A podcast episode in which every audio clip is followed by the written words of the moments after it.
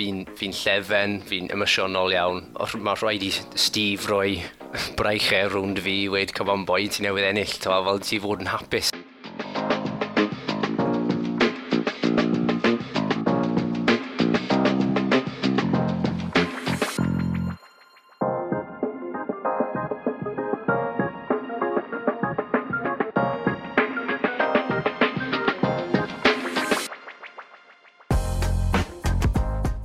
Helo a chroeso i hefyd, y podlediad am fywydau dysgwyr Cymraeg gyda fi Richard Nosworthy.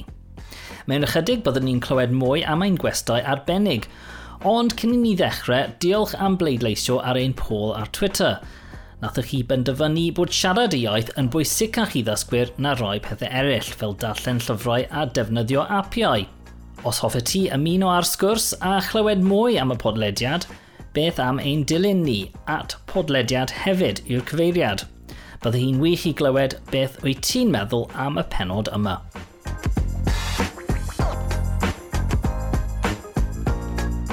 Nawr, reit ar y dechrau, clywon ni glip o'n gwestai ni, Joe Healy, yn sôn am brofiad arbennig iawn. Enillodd Joe wobr dysgwr y flwyddyn yn yr Eisteddfod Genedlaethol eleni. Symudodd e i Gerdydd o Linden er mwyn astudio yn y prifysgol. Yn fian iawn, roedd e wedi gwneud ffrindiau gyda Chymru Cymraeg. A phedair mlynedd yn ôl, dechreuodd e dysgu'r iaith. Erbyn hyn, mae e'n hollol rigl. Ac yn ein sgwrs, trafod yn ni sut mae siaradwyr Cymraeg yn gallu helpu dysgwyr. Ifan Roc sy'n chwilio am enw, a'r argraff positif mae pel droed wedi gwneud o ran y Gymraeg.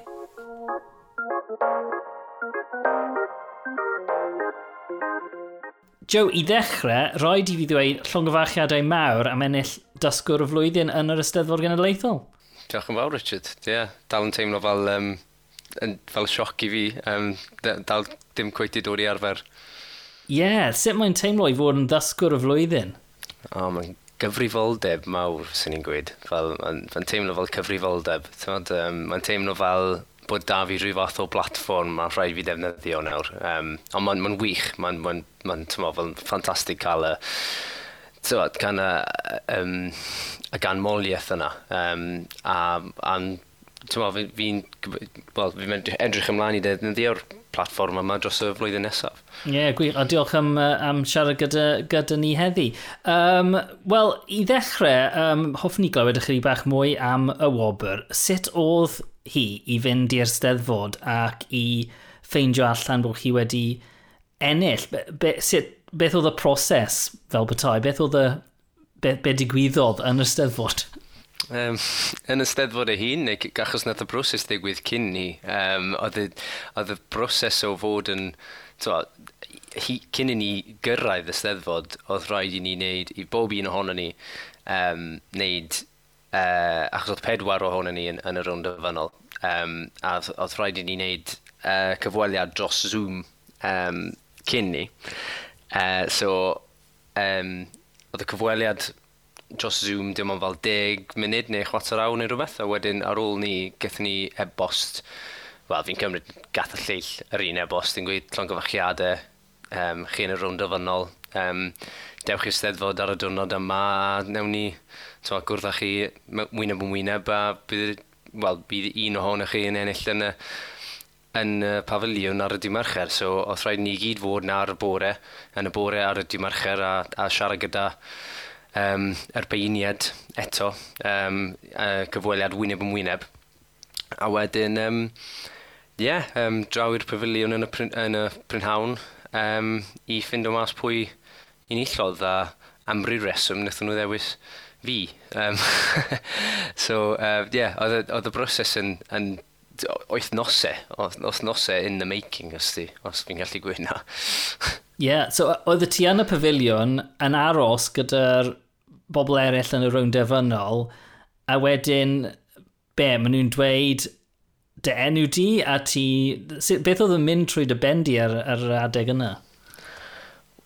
Wel, i ddechrau, o'n i newydd gwrdd ar triau eraill, a o'n nhw i gyd yn rhegr yn y Gymraeg, o'n nhw gyd yn bobl hyfryd, ac o'n nhw i gyd yn hefyd yn gwneud gymaint o waith yn eu cymunedau nhw yn y Gymraeg. A o'n i fel, no way fi'n mynd i ennill. Tewa, no way fi'n curo rhain. Tewa, fel, a, achos a nes i weir wrth ffrindiau fi i gyd yn, yn y bore, fel fi wedi cwrdd ar lleill, maen nhw i gyd yn wych fi'n dod yn bedwerydd, like, dead last o'r, or pedwar, to. Um, uh, a ac o'n i fel, um, o'n i jyst yn meddwl, da, dyna fe, mae un o'n nhw'n mynd i ennill, mae'n wych, mae'n wych jyst y profiad y fod ma. Um, ond ar y llwyfan ei hun, nathyn nhw, o'n i ddim yn, wel, nes i ddim ffind o mas o flan llaw o rhaid i ni fod ar y llwyfan, so oedd y pedwar ohonyn ni wedi cael ein gwahodd i'r llwyfan a o'n i, on i jyst yn disgwyl fod yn y gynulleidfa. So, o'n, on, on i ddim yn, on i ddim yn gwybod oedd rhaid i ni fynd ar y llwyfan fel y pedwar ohonyn ni. So, nathon nhw ddod â ni i gyd lan ar y llwyfan o flan pawb, a wedyn nathon nhw gyhoeddi yn y diwedd enw fi um, i ennill y peth, a Um, on, wel, os unrhyw un yn gallu ffind o'r fideo, um, fi'n fi llefen, fi'n emosiynol iawn, um, fi'n... Mae ma rhaid i Steve roi braichau rwnd fi i weid, come on boy, ti newydd ennill, to, fel ti fod yn hapus, to. Ac o'n i just yn, o'n i just yn, um, to, fel o'n i mor emosiynol, o'n i gallu gweld pobl o'n i'n nabod yn y gynulleidfa yn, tywaf, yn, yn, yn gweiddi ac yn, yn gwenu ac oedd yn wych. Um, a oedd e jyst yn brofiad gwych y, y dyrnod yna hefyd, fel cwrdd â gymaint o bobl newydd, rhai o'n nhw'n yn dysgu Cymraeg, rhai o'n nhw'n eitha newydd i'r iaith a, a a just yn wych gweld bod y, yr iaith yn, yn kind of symud ymlaen y ffordd mai.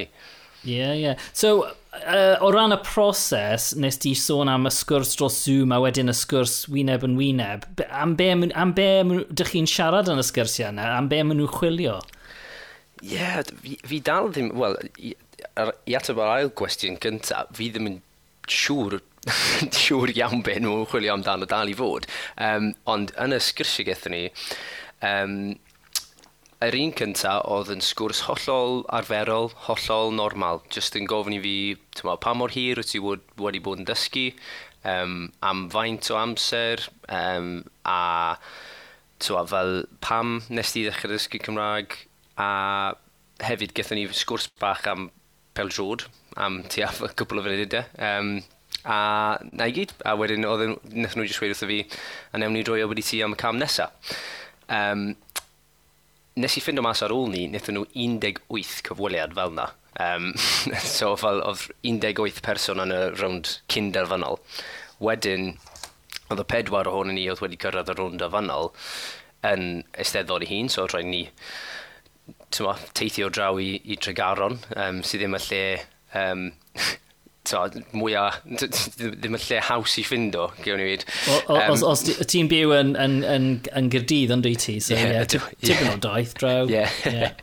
um, a, um, yeah, so eithon ni draw na, nes i, fel weres i, nes i gwrdd ar, ar tri eraill, a oedd, oedd bob un ohono ni gyda, fel weres i, fel cyfweliad yn, yn y bore, oedd y cyfweliad yn y bach yn hirach, oedd y tua 20 munud, sy'n ni'n gweud, um, falle tyma bach mwy. Um, a wnaethon nhw ofyn pethau adeiladu ar y pethau o'n nhw wedi gofyn o blaen, so fel yn gofyn yr un pethau fel ers pryd wyt ti bod yn dysgu, ond hefyd fel yn gofyn pethau fel beth nath ysbrydoli ti i ddysgu'r iaith a be bydde ti'n gweud wrth dysgwyr eraill, be, be, be bydde cyngor ti i bobl eraill. A pethau fel hyn, jyst i gael, fi'n credu nhw chwilio am rhywbeth o rhyw fath o um, cysylltiad dim just i dysgu iaith ei hun, ond hefyd i helpu bobl eraill i ddysgu. Um, a dyna uh, kind of argraff um, ond, ond fel weles i fi dal ddim yn cweith yn siŵr pam mae fi nath nhw ddewis a, a beth o resymau nhw tywa, fel bydden ni'n lyco cael adborth. Ie yeah, yeah, wel well, yr adborth gorau yw ennill ond dwi e? ond ie uh, yeah, llongyfarchiadau a oedd ti wedi bod yn yr ysteddfod o blaen? Um, do, o'n i yn ysteddfod um, yn Gydydd yn 2018. Um, ond ar ôl bob sôn oedd hwnna bach yn wahanol, achos oedd e mewn dinas a oedd yn agored i bawb, um, oedd dim rhaid talu fi mewn, so e, oedd e bach yn wahanol. Ond dyna'r profiad cyntaf i fi fod yn ysteddfod am sawl diwrnod tu fas o gydydd. Tyma, fel achos i um, es i lan i llawn Rwst yn 2019, um, ond dim ond am un noson a um, oedd y tywydd yn effernol uh, a oedd e just... Dwi'n cofio, ie, yeah, ie. Yeah. Yeah, um, so, um, yeah, oedd e'n neis um, cael profiad go iawn o'r Steddfod, achos o'n i na nos fawrth um, ar gyfer gystadleuaeth ar y dim mercher, a wedyn nes i aros wedyn ni tan, tan y penwythnos. So, yeah. um, o'n i'n am spel. So ti'n eisteddfod twr nawr, ti'n mynd i fynd bob blwyddyn? Ie, yeah, boi eisteddfod fel yn gwyd. Ie, yeah, um, yeah, fi'n fi credu um, na i fynd, wel, na i definitely mynd um,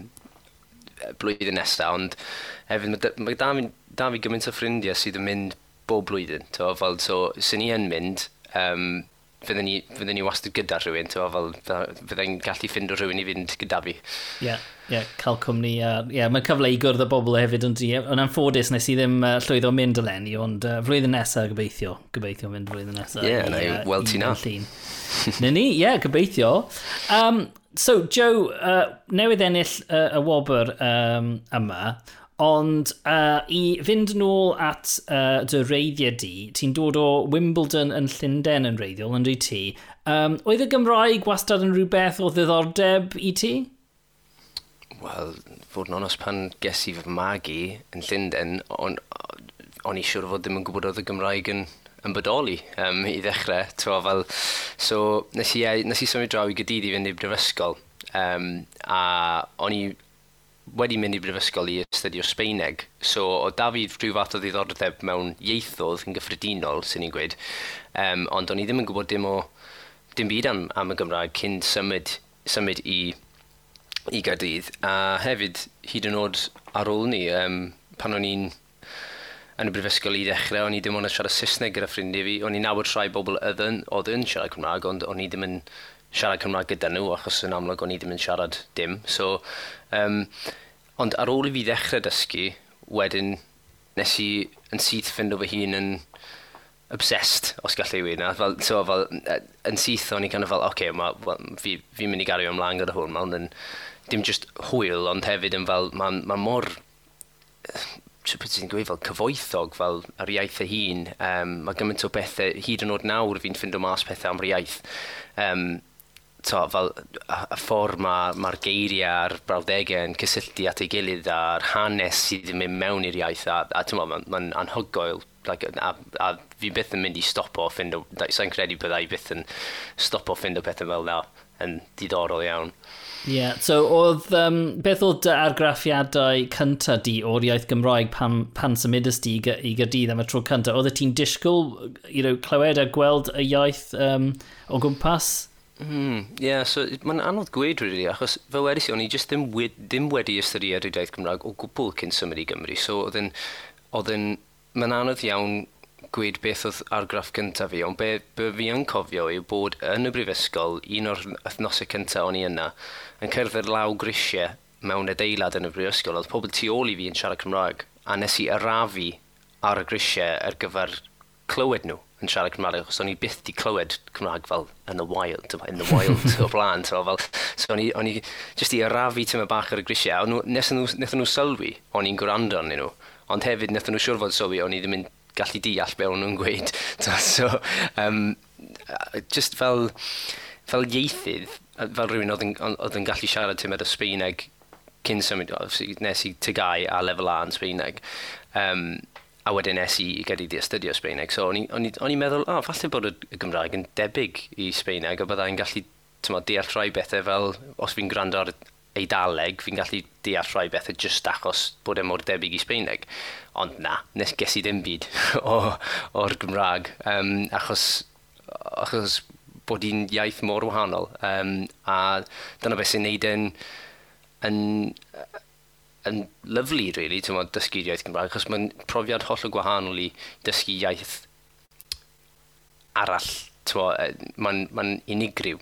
Um, Ie, ie, ie, dwi'n dwi dwi dwi credu bod ti'n iawn, ond yr unig iaith arall dwi wedi dech, uh, dysgu yw Ffrangeg, ond y mwyaf o Ffrangeg dwi'n dysgu, y mwyaf dwi'n gweld y, y geiriau cyffredin rhwng y ddwy, ond um, i, i ddechrau, o'n nhw'n uh, hollol wahanol. Ond, ie, um, yeah, mae ma yna rhywbeth... Uh, gwahanol iawn am y Gymraeg os ydych chi wedi dysgu y ieithoedd mwy cyffredin fel bethau o Ewrop, uh, Ffrangeg, Sbaeneg ac ati yn dweud. Um, so, pam, pam dechrau dysgu o ddifri te? Pam, pam mynd o cymryd dyddoldeb uh, i dechrau dysgu a siarad i iaith? Um, fi'n credu bod yn hanes eitha gyffredin gyda lot o bobl sydd yn dechrau dysgu Cymraeg yw, yw i fi, nes, nes i ddechrau mynd mas gyda rhywun oedd yn siarad Cymraeg fel iaith gyntaf. Um, so, cariad fi ar y pryd, oedd hi'n dod o Geredigion. Um, a oedd hi'n siarad Cymraeg gyda bron bob un o hon, o, bob un o, bron bob un o ffrindiau hi, a teulu hi i gyd oedd yn siarad Cymraeg. So, o'n i yn syth mewn sefyllfa lle oedd y Gymraeg o gwmpas fi trwy'r amser. A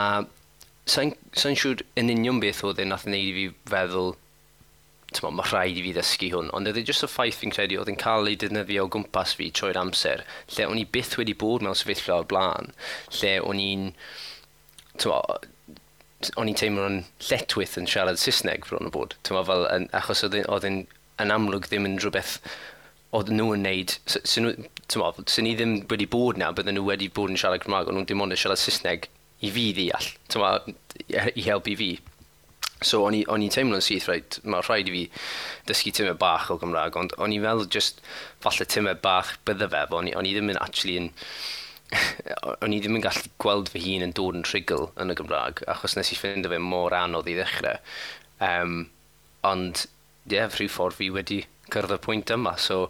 Um, ond ie, yeah, i, i ddechrau fi'n credu, just fel edrych i, ti'n ti gweld y iaith o gwmpas ti, a ti, ti yn sylwi wedyn, ie, yeah, mae hwn yn bwysig, mae'n bwysig bod y diwylliant mae yn cael ei, cael ei, dim cefnogi yw'r gair iawn, ond fel, mae'n ma bwysig bod bod hawl gyda'r bobl yma siarad yn y iaith mae nhw fel arfer yn siarad pam fi ddim yma, ti'n Yeah. Achos, so, yw hwnna neud sens? Fi ddim yn so, ma, yeah, mae'n ma, mater, o, mater o barch, falle, i raddau. Mm. Mae parch at y iaith ac at, um, at y diwylliant a'r, ar, ar ffaith bod, mae, mae hwnna yw mae hwnna yw, yw, yw, yw iaith gyntaf uh, neu y iaith mae'r ma, bobl yn, yn defnyddio, ond ydy, sy'n yeah, sy neud sens perffaith. A o ran sut nes ti ddysgu Cymraeg, oedd e'n gyfuniad felly o, o wneud cwrs, wneud gwersi a, a siarad gyda, gyda ffrindiau ac ati? Ie, yeah, so cymysgedd o bethau, really. Um, fi wedi bod yn lwcus iawn fe wedys i, oedd oedd, y Gymraeg o gwmpas fi trwy'r amser, y, y, y foment nes i ddechrau dysgu o'r, or, or munud yna o'n i'n gallu tmo, gwirio pethau gyda cariad fi a ffrindiau hi a tmo, just neud yn siŵr o'n i, gweud pethau yn iawn a pethau fel hyn. Um, ond hefyd es i wersi yn y brifysgol. Um, mae cwrs o'n enw Cymraeg i bawb tu fewn i brifysgol Cydydd um, i fyfawrwyr yn y brifysgol y hun. Um, a nes i, wel, ni gyd yn gwybod am yr app Say Something in Welsh, to, fel, a, a fi'n credu bod lot o dysgwyr yn, yn defnyddio hwnna, a ffindio fe'n yn defnyddiol iawn, a, a o'n i yn ffindio, ffindio fe'n yn dda iawn i glywed y Gymraeg a tyma dda, ffordd ti'n ailadrodd y pethau maen yn gweud, ti'n cael y, y, yn gani, yn, yn well a pethau fel yna. Uh, ond hefyd, nes i ddefnyddio Duolingo, yr app uh, Duolingo, ond nes i ffindio hwnna bach yn Sa'n gwybod, mae lot o bethau yn, enwedig i ddechrau. Mae nhw'n gofyn i ti wedi pethau fel mae'r gath yn yfed llath a pethau fel yna. A ti, ti, ddim, ti ddim yn gweld e mor... Uh, nes i ddim ffindio fe mor um, ddefnyddiol. Fi'n siŵr bod e i rai bobl. Um, ond fel, ie, yeah, nes i gymys gymysgedd o pethau. Nes i just wneud gymaint o o'n i'n gallu. Um, gwrando radio, watch o teledu. Nes i watch o lot o rhaglenni plant ar S4C. Um, Gito Gwningen a Sam Tan a pethau ah. um, Dwi'n gyfarwydd iawn, ie, ie, ie. Ie, ie. Um, so, ie, yeah, no, o'n i jyst yn gwneud gymaint o o'n i'n gallu, o'n i'n mynd i gigs yn Gymraeg hefyd, ti'n o cerddoriaeth a gwrando ar gerddoriaeth a jyst trio wneud dim, dim jyst i dysgu'r iaith, ond hefyd achos o'n i'n lot o bethau yma, dim necessarily y rhaglen i plant, ond lot o bethau o'n i'n really enjoyo wneud nhw ta beth, ti'n fel mynd i gigs a ffind o mas am cerddoriaeth newydd a dallen llyfrau newydd a pethau fel hyn. Tywa, fel, pan ti'n neud y pethau ti'n joio trwy gyfrwng yr iaith, mae'n pethau ti'n mwynhau, mae hwnna'n helpu ti tywa, mwy na dim byd fi'n credu. Ie, yeah. a wyt ti wedi dysgu yn eitha, ti wedi dysgu yn eitha cyflym felly?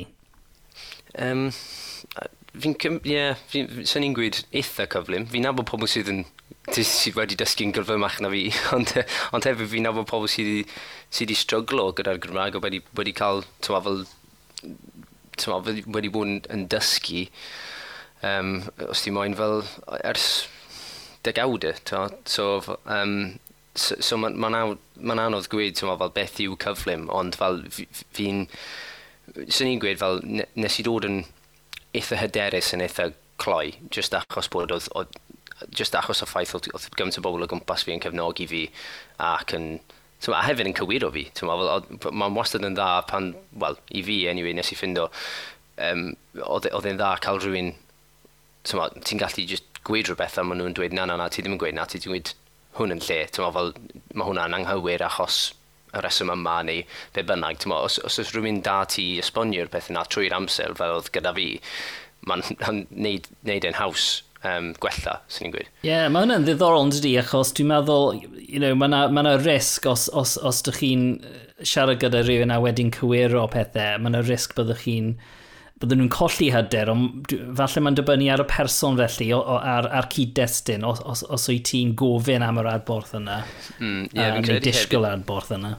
Na, ie, ti, ti yn iawn. A hefyd, o'n i ddim yn licio cael o'r adborth na gan bobl o'n i ddim yn nabod. Tymod, ah, ie, ie. Tymod, fel pobl newydd oedd yn cywiro fi, o'n i'n gweld hwnna'n eitha amharchus, tymod, mm -hmm. i mhm. rywun oedd yn, yn dysgu. A mae hwnna yn cael effaith ar, ar hyrdau ti, tymod, os, os ti'n siarad gyda rhywun a maen nhw'n cywiro ti yn syth. Tymod, fel mae hwnna'n really gallu bod yn, yn eitha periglis i, i ddysgwr, really, achos mae'n ma, gallu effeithio um, hyder ti gymaint, ond pobl o'n i'n nabod yn iawn, ti'n ffrindiau fi a fel wedys i cariad fi ar y pryd, pobl o'n i'n o'n i'n teimlo'n saff os o'n nhw'n cwyro fi, achos o'n i'n gwybod o'n nhw ddim yn berniadu fi. Ie, yeah, yeah, yn sicr. O'n i'n mynd i ofyn hefyd, un peth sy'n teimlo'n od weithiau yw os, os wyt ti'n dysgu iaith, i dechrau defnyddio'r iaith gyda rhywun falle ti'n nabod yn barod. Oedd, sut oedd hi'n teimlo, oedd ti'n hapus felly i, i trio defnyddio chydig o Gymraeg reit ar y cychwyn gyda, gyda ffrindiau, achos mae hynny yn gallu bod yn, yn anodd i roi bobl. Ydy, mae'n gallu bod yn rili really anodd. Mae mae, mae dal pobl fi'n nabod ers um, cyn i fi ddechrau siarad Cymraeg sydd yn siarad Cymraeg a fi dim ond yn siarad gyda nhw yn Saesneg achos dwi e ddim yn teimlo'n naturiol um, i ni siarad Cymraeg. Um, so, um, Ie, yeah, mae'n ma, ma, n, ma n mae'n profiad odd, ond on fi'n credu... Beth, beth oedd gyda fi, a wedi, fi, fi, fi wastad yn gweud hwn, fi, fi wedi bod yn lwcus iawn gyda'r bobl sydd wedi bod o gwmpas fi. Maen nhw, ma nhw wastad wedi bod yn gef, gefnogol a wastad wedi gweud wrtho fi, tyma, fel, na jyst a hwn yn Gymraeg, ni'n gallu, symud, ni gallu symud nôl i Saesneg os ti moyn, ond tyma, tri o'n ni siarad tyma bach o Gymraeg. A, um, a hefyd, obviously, mae'n amlwg o'n, o'n i o'n i eisiau, o'n i eisiau gwella ymarfer. Ond, ie, yeah, just y, y profiad personol o newid ieithodd, um, just, mae'n ma, anodd iawn. Um, yn ymwedig yn y rhai llefydd o'n i'n ffindo, pan o'n i'n mynd i orllewin Cymru i weld teulu cariad fi, tyma, fel o'n i'n teimlo'n, oedd hi'n teimlo'n iawn siarad Cymraeg na er o'n i ddim yn siarad Cymraeg gyda hi gytre yn gydydd. So, so o'n i, on i siarad Saesneg gyda hi wyneb one-on-one, os ti'n moyn. Um, ond pan oedd pobl eraill o gwmpas, oedd yn teimlo'n fwy parchus falle, um, siarad Cymraeg. Um, uh, yn enwedig pan o'n i twa, yn tu rhywun arall, twa, fel oedd yn teimlo'n fel oedd rhaid wneud rhyw fath o ymdrech. Um, a, a mae'n ma gallu dibynnu hefyd ar, ar sawl, sawl peth, tyma, fel, os o'n i'n teimlo'n filiedig, a o'n i'n teimlo'n, fel wedi cael diwrnod hir neu rhywbeth, o'n i ddim, really, moyn troi fy hun trwy, tyma, fel rhywbeth oedd o'n i'n gwybod oedd yn mynd i fod yn anodd, tyma, so mae'n gallu, ma gallu dibynnu ar y sefyllfa hefyd. Ie, yeah, be fydde ti'n dweud felly wrth bobl sy'n siarad Cymraeg yn rhugl? Be, be, all, be all pobl wneud i helpu dysgwyr i ymarfer ac i wella ac i deimlo'n cyffyrddus? Mm. Fi'n credu fel fe wedys i, mae ma, ma, ma na fine line nag sef fel rhwng, rhwng bod yn rhy um, strict ar iaith rhywun a, a gweud wrthyn nhw fel tyma na, newn, newn ni siarad Cymraeg nawr a ni'n mynd i wneud hwnna, achos mae hwnna yn gallu effeithio ar hyder pobl, ond os ti ddim yn wneud hwnna o gwbl, os ti ddim yn wneud yr ymdrech yna gyda dysgwyr o gwbl, dyn nhw ddim yn mynd i gael y, y, y, y cyfle i ymarfer.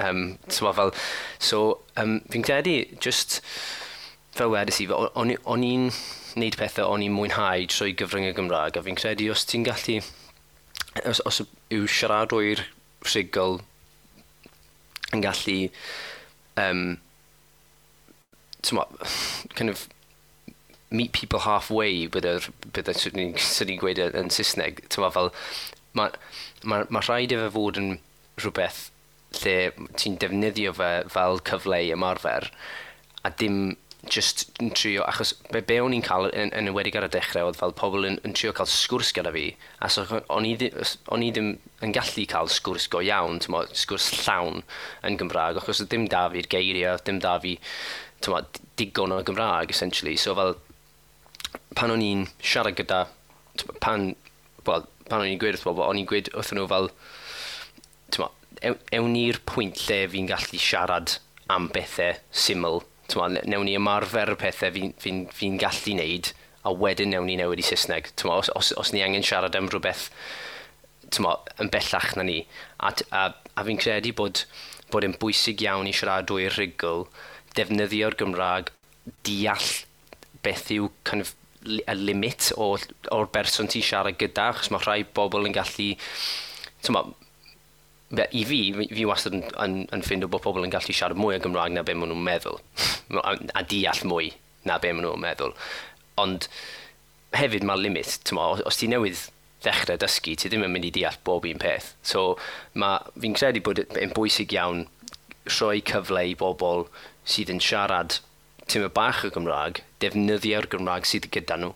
Um, a tyma, hyd yn oed just pethau syml fel bwr da a prynhawn da a fel diolch a fel pethau fel hyn, mae'n bwysig iawn bod dysgwyr yn clywed yr iaith a hefyd yn defnyddio'r iaith yn fel wersi kind of in, in situ fel uh, yn, uh, tyma, yn y byd go iawn. Um, achos ti ddim really yn gallu dysgu Cymraeg mas o lyfr a mas o fel mewn gwers. I mean, ti'n ti gallu lan at rhyw bwynt, lan at rhyw safon, ond i, i really gyrraedd y pwynt lle ti'n defnyddio'r iaith a dod yn hyderus yn y iaith, mae rhaid i ti'n fynd mas i'r byd a siarad gyda pobl eraill. So, yeah, yeah. A, i, gweld, i, i... a gweld y pethau ydych chi'n siarad amdanyn nhw, um, mm -hmm. mae ma hynny'n mm -hmm. helpu ond ydy weithiau. Ydy. Yeah, yeah. O'n i'n yeah. siarad gyda rhywun ar y podlediad oedd wedi wneud um, taith cerdded um, uh, i ddysgu am natur trwy gyfrwng y Gymraeg, a mae hynny yn enghraifft gwych dwi'n meddwl, achos, a dwi'n cofio wneud helfa drysor a pethau fel yna, lle ydych chi'n gweld pethau a mae'n sticio yn y pen yn, yn well wedyn. Mm -hmm. Ydy, um, ydy, yeah. I fi hefyd fel, obviously fi, fi jyst yn sôn am, am brofiad fy hun, ond fel, oedd yn helpu fi falle bod hwn yn gweud rhywbeth amdano fi, ond fel mynd i'r pub yn eitha aml, um, a, a, a, gweld pobl, a siarad gyda pobl, a just o ti'n gallu, ti gallu ymarfer gymaint o bethau just yn, yn siarad am y pethau sydd o gwmpas ti. Tewa, fel, a pethau ti'n neud ar pryd, tewa, fel, wyt ti eisiau diod arall, wyt ti, ti'n fel, pethau, pethau fel hyn, pethau syml, maen ma nhw'n gallu teimlo yn syml pan ti'n ti'n ti, ti falle darll, darllen nhw mewn llyfr, ond pan ti'n clywed rhywun yn defnyddio fe yn, yn y byd go iawn, dyna pam ti'n ti dod i really fel, oce, okay, fel, fi wedi cyrraedd y pwynt na, fi'n gallu defnyddio hwn, beth yw'r cam nesaf, ta? Yeah. Gret, ie, yeah, mae hwnna'n tip da, yn dydi. Sôn am uh, defnyddio'r Gymraeg yn, yn y byd go iawn fel petai, faint, faint o'r Gymraeg wyt ti'n defnyddio y dyddiau yma? Ydy hi'n rhan mawr o dy fywyd di? Ydy, mae'n ma rhan hollol arferol o fywyd fi. Fi'n byw gyda dau fwy sydd yn siarad Cymraeg, un o Gyfyrddin a mae'r llall o Pen y Groes, sef jyst ar bwys Cynarfon. So maen nhw'n siarad yn wahanol iawn. um, a siarad fel sitcom. Ie, ie. Mae fe bach fel sitcom, ie. Yeah. Boi, boi o Linden, boi o Gyfyrddin a boi o Ben y Groes yn symud mewn gyda'i gilydd. Um, yeah, um, yeah, so mae'n teimlo fel um, rhyw fath o um, yeah, hefyd, be, be fydden ni'n gweud, mae'n ma bwysig iawn siarad gyda pobl o bob un rhan o Gymru. A fi dal yn stryglo weithio pan fi'n siarad gyda pobl o, o Gogledd Cymru. Achos mae'n wahanol iawn. A, a mae ma rhaid i ti, tyma, os, os ni fel dysgwyr yn mynd i ddeall y iaith, yr iaith yn, yn tyma, ti byth yn mynd i gweud fel cant y cant, ond fel, tyma, fel, uh, tyma, gymaint a ni'n gallu, mae rhaid i ni gael brofiad o yr acenion gwahanol. A fi wedi sylwi bod, tyma, ers i fi fyw gyda rhywun o Ogledd Cymru, fi'n deall lot mwy o be mae bobl yn Gogledd Cymru yn dweud. Tyma, so, um, a just, tyma, pethau bach fel ymadroddion, tyma, bydde ti falle ddim yn pegol an nhw. Um, a, ie, yeah, so ma, i fi, mae'n ma dod i, wedi dod yn, yn rhan hollol arferol o, o, o fywyd fi. Fi'n fi defnyddio'r iaith bob dydd. Fi'n, to, fel, fel wedys i, fi'n mynd i'r pub yn y Gymraeg, fi'n mynd i, to, fel, watcho peldrod yn y Gymraeg, fi'n trafod bob un peth tymo, bach yn, yn fy mywyd i trwy gyfnod Gymraeg am, am y llestri a am y tymo, am gwaith a pethau fel yna. So fel mae'n mae'n ma da cael y, a, a fy werus i fi'n fi, lwcus iawn. Fi'n fi, fi, ymwybodol o hwnna fel fi, fi yn lwcus iawn. Does dim pawb gyda'r profiad fi'n sy'n sy gyda fi o ran defn, y cyfle i defnyddio'r iaith mor aml a, a fi'n gallu. Um, yeah. Mae'n ddiddorol yeah. yn dydi bod Cyrdydd yn rhywle lle, lle mae rhywun yn gallu ffeindio'r um, cyfleoedd yn ydy. Ti'n meddwl bod Cyrdydd yn, yn lle da i ddysgu Cymroeg? ydy erbyn hyn fi'n credu, fel, yn enwedig, um, tymo, fel mae da ni lle, uh, grŵp sydd yn cwrdd lan bob wythnos i siarad Cymraeg um, bob nos fercher, um, a ni'n ti'n gallu gweld pethau o gwmpas ti, dim necessarily yn newid, so ni ddim yn gweud yn newid, ond pethau sydd yn... Ti, fi jyst yn clywed lot mwy o Gymraeg nag o'n i pan o'n i'n um, pan nes i symud ma i, yn y lle cynta a hefyd fi'n clywed lot o bobl yn neud pethau. Mae lot o diddordeb gyda pobl yn yr iaith. Um, mae cydydd gyda, fel wedys i pobl o bob man yng, yng, yng Nghymru, so fel tymo, mae rhywun o siwr o bob un pentre yng Nghymru yn byw yn gydydd. to, so fel, um, a, a mae hwnna'n neud e yn amrywiol iawn hefyd. Um, so, ie, yeah, mae'n ma lle gwych i, i, i ddysgu'r iaith. Um, a broblem yw bod, bod fi ddim yn siŵr sio ti ymestyn hwnna i, i bob un pentre yng Nghymru, os ti'n gwybod beth fi'n meddwl, fel sio byddwn ni'n ymestyn hwnna yn, yn hellach na, na cydydd. Ie, yeah, ma, wel mae Cyrdydd wrth gwrs yn unigryw fel prifddinas Cymru, ond ydy, felly um, falle bod, bod hynny ddim yn fodel gallu ti um, ail greu, ond falle bod na rhywbeth, uh, rhywbeth mae you know, llefydd eraill yn gallu dyblygu fel y, y cyfleoedd i gwrdd fel y ti'n sôn, dwi'n gwybod bod hynny yn digwydd mewn llefydd eraill, mae hynny yn bwysig, ond ydy cael cyfle i gwrdd yn reolaidd. Um, ac wrth gwrs, um, oedd y ti'n sôn ychydig bach am Bel Droid, ti'n fan mawr o Bel Droid, a mae'r Gymraeg yn rhan bwysig o'r sîn Peldroid, uh, sy'n peldroed Cymru uh, erbyn hyn. Ydy, ydy. Um, a ma, ar ôl bob sôn, tyma, fi, fi dim ond i bod yn watcho Cymru, ma, mynd, mynd i gemau Cymru uh, yn ddiweddar iawn, really, fel cwpl o flynyddoedd diwetha, um, gyda ffrindiau fi, ma, rai sydd yn siarad Cymraeg, ond uh, so, mae'r ma, Gymraeg wastad wedi bod yn rhan o Beldrod Cymru i fi yn bersonol, ond o be fi'n clywed, ma, fel deg falle 20 mlynedd yn ôl, oedd e jyst ddim fel na o gwbl a oedd, um, oedd um, gweud jyst y, y peth mae pobl yn canu yn y stadiwm yn y gyd yn Saesneg a oedd dim lot o Gymraeg o gwbl heb lawer am yr anthem cenedlaethol ei hun. Um, ond nawr, ni'n canu calon lan a a mae o hyd mae'n amlwg yn, yn y stadiwm. Uh, mae hyd yn o fel fi wedi bod i'r isildiroedd yn, yn Watcho Cymru a o pobl yna yn dechrau caneuon o'n i ddim i fynd yn, yn nabod tyma, trwy gyfrwng y Gymraeg yn, yn um, tyma, mas, mas yn, yn Rotterdam a, a wedyn mae da ti mae'n ma, ma, ma rhoi rhyw fath o agwedd fi'n credu, agwedd newydd i bobl sydd yn ddi Gymraeg, sydd yn dod o lefydd lle dyw'r Cymraeg ddim yn cael ei siarad lot. Um, i weld uh, uh, mo, pobl o, o bob un rhan o Gymru a, a llwyddiant mae'r ma llwyddiant o, wel, swy byddwn ni'n gweud hwn fel, y ffaith bod Cymru wedi bod yn llwyddiannus, um, eitha llwyddiannus yn, yn y blynyddoedd diwetha, um, yn kind of, gwythio pobl ymlaen i, i ddysgu'r iaith hefyd achos maen nhw'n dod i gemau, maen nhw'n ma mwy o bobl lan na, mae'r profiad yn hollol ddwyieithog. Tyma, fel mae'r ma Cymraeg, ma Gymraeg a Saesneg yn cael ei siarad trwy'r amser pan ti gyda'r fans i gyd. A, um, a i fi yn bersonol, fel fi wedi gweld ffrindiau di Gymraeg o gwmpas fi sydd yn, yn, yn amlwg yn nawr gyda diddordeb yn y iaith Gymraeg lle oedd dim diddordeb ni gad gyda nhw o blaen a fi'n credu bod Pel Drod yn a, tyma, fel rhan enfawr o, o newid um, agweddau pobl sydd yn wych.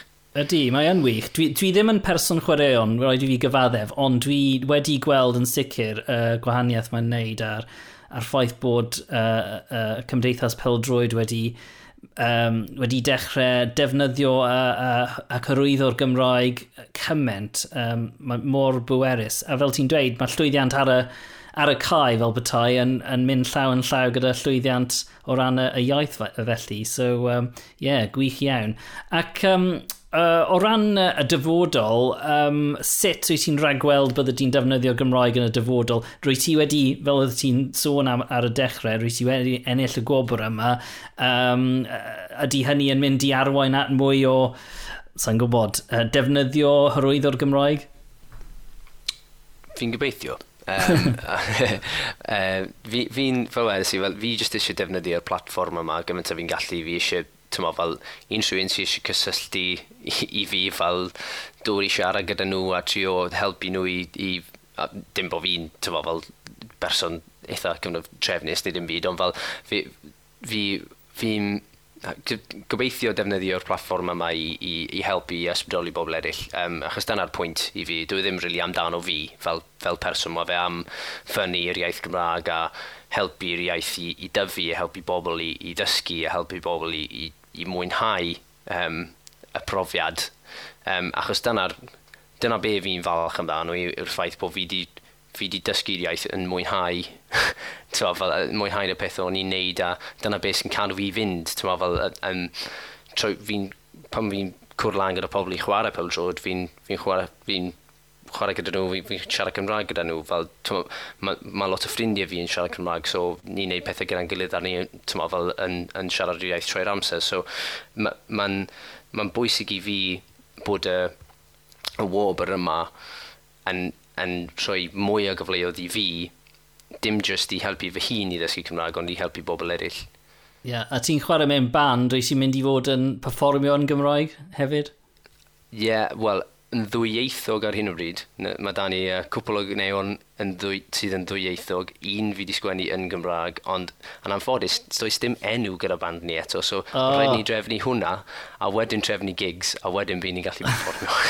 so, dyddiau can... O'n i'n mynd i rwy cyfle i ti rwy plug, ond uh, os nad oes enw, ond falle bydd y grandawyr yn gallu awgrymu enw i ni ar Twitter neu yeah, rhywbeth. Ie, ffantastig, ie. Yeah. Syniadau uh, am enw. Pa fath o fand ydy uh, uh, uh, Um, Wel, sy'n ni'n gweud fel rock, post-punk fath o vibes, um, ond um, ie, yeah, ni'n trio pethau mas o'r hyn o bryd, a fo wedys i, dim, does dim enw gyda ni, so os oes yw'n unrhyw awgrymiadau, um, byddwn ni'n gwerthrogi nhw. Gwych, oce, okay, da iawn. Um, so, uh, Joe, um, yn amlwg ti wedi bod ar daith uh, iaith fel bethau, wedi bod ar daith dysgu um, o, fel rhywun sy'n dod o Linden sy'n sy, you know, i rhywun sydd wedi dysgu wedi um, uh, defnyddio'r iaith. Uh, beth am teulu a ffrindiau? Sut maen nhw'n sut maen nhw wedi ymateb? Yn enwedig falle y roi nôl yn, yn Llundain? Mm, yeah, mae'n odd, actually, achos fi'n credu y holl beth gyda'r wobr yma, gyda hwnna, maen nhw, maen nhw wedi sylwi faint fi'n defnyddio'r Gymraeg a faint fi'n caru'r iaith a faint mae'n meddwl i fi.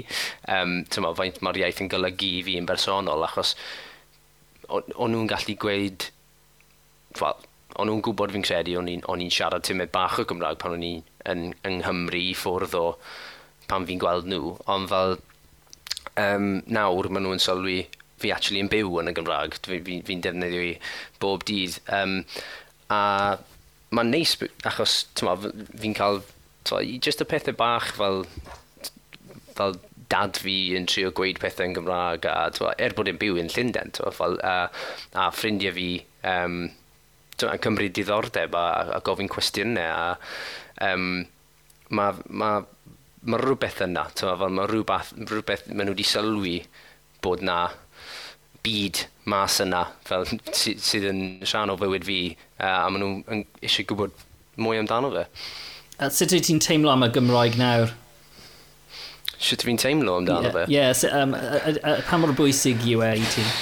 Mae'n, fel wedys i, mae'r ma mae'r Gymraeg a, a'r diwylliant sy'n dod gyda'r Gymraeg a mae'r pethau ti'n gallu gwneud yn y Gymraeg, mae hwn i gyd yn dod at ei gilydd a pan o'n i sôn am uh, mynd i um, i geredigion a siarad i'r iaith yn y kind of, yn y byd go iawn, mae'n ma ni ti feddwl wedyn, mae rhaid i ni to, barchu yr iaith, neu dim parchu o'r gair go iawn, ond fel cefnogi, helpu yr iaith i dyfu, helpu, helpu'r iaith i, i i ffynnu. Ffynnu, ie, yeah, ffynnu yw'r gair yn we. Ie. Yeah. yeah, um, so, um, mae'n ma bwysig iawn i fi, achos fi'n, fi, fi, fi erbyn hyn, fi'n teimlo fel siaradwr Cymraeg, wel, fi yn siaradwr Cymraeg, ond fel, fi'n teimlo fel bron yn, er bod fi yn dod o Lundain, fi'n teimlo fel Cymro, fel neu Cym, Cymro Cymraeg sydd yn rhywun sydd yn rhan o'r cymuned yma a sy'n moyn i fe twa, fel datblygu a, a, a ffynnu. Fel, so, mae'n bwysig iawn i fi fel unrhyw siaradwr fi'n credu bod, bod y iaith yn, yn cael ei defnyddio ac yn, ac yn dod yn rhan o, o bywyd pawb. Twa. Gwych iawn. Wel, diolch Joe am siarad gyda, ni, gyda fi heddiw a llongofachiadau eto ar ar y wobr a pob lwc gyda popeth ti'n neud yn dyfodol. A ti, Rysi, diolch yn fawr. Neu siarad gyda ti. Diolch yn fawr.